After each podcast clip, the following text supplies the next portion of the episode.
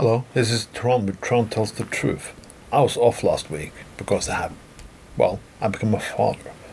So, more I become a father, get into the role, I also wonder what kind of future will my kid have? What kind of world will it exist? I remember as a kid, I saw all sci fi movies. Star Trek was one of them.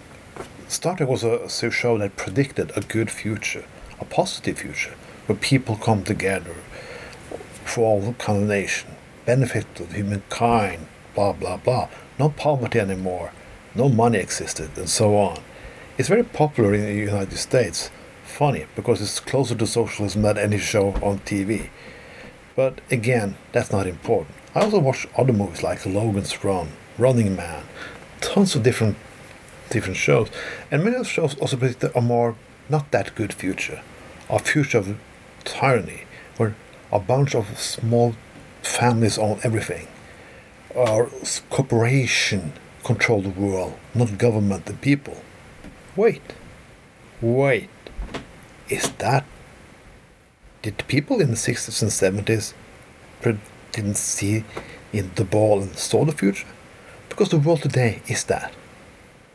It's so funny, but one of the largest military groups in the world, in Russia, is a Wagner group. That group is a private owned company. It was so powerful that even fucking Putin was afraid of it. A private fucking army. Who runs it? Who pays for it? The Wagner Group also do revolutionary work for a lot of shitty dictators in Africa. They got money from exploiting people and exploiting their resources. Today, we are there already. In in the in the show, The Good Place, it was some segment that they tried to explain why no people have ever gone to heaven, because no people could be perfect because everything they touched, everything they bought, had some history behind it. If they bought a like a telephone, they were like part of the telephone was made by slave work in Africa, and so on. The world is so fucking complex. But it isn't. There are hundred big fucking companies who own tons of other companies who again own and own and own and own. They own fucking everything. They don't give a fuck about you. They're willing to see the world burn. We have temperatures in Europe now so high. That is not normal. Climate change is here, but they rally to this crazy fucking conservative shit train and try to pretend that it is not. People still don't believe science, but they still believe that there's a dangerous communist conspiracy or a Jewish conspiracy or a Muslim conspiracy about taking over the world.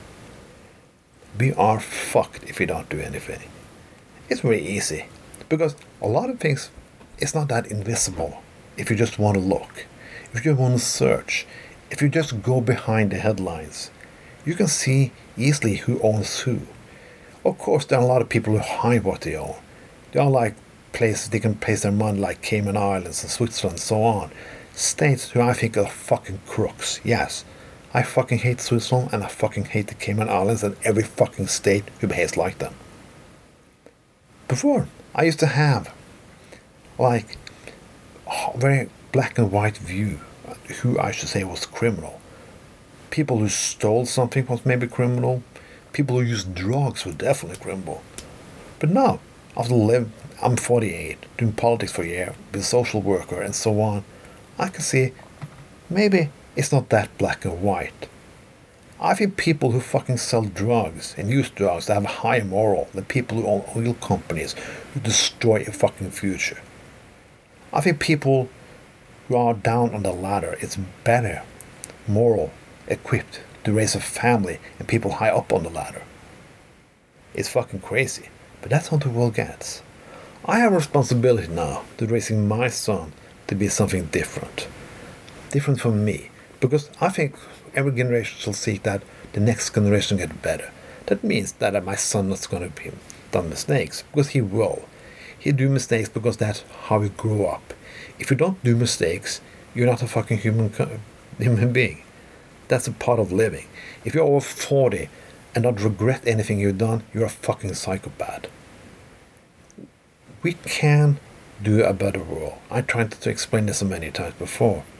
But again, but again, but again, we never learn. We are in the climate crisis right now.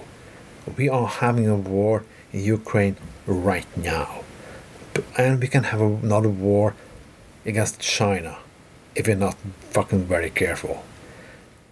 We've always been a brink of something. I remember in November 1989 when I was a kid that mama screamed to me from the cellar while we were watching the news. The Berlin Wall is going down. The Berlin Wall is going down. And we all thought it was going to be peace in Europe, peace in the world, and something new, better is going to happen. It didn't. It has gotten worse and worse and worse. But that hope can still be light, light again. But it's up to you. It's up how you treat your kids and how you address the world. You cannot you cannot hide anymore. Because people have to engage in something. Things are not just fun and games. Not everything is just entertainment and fun. Yes, it is not pleasant to do politics, it's not pleasant to do a lot of things. But you have to fucking do it. Because now is real serious. And if you're gonna do it, nobody else gonna do it. Because soon it will be in a human planet to live on. This was Tron, where Tron tells the truth. Fuck the hundred, fuck the hundred.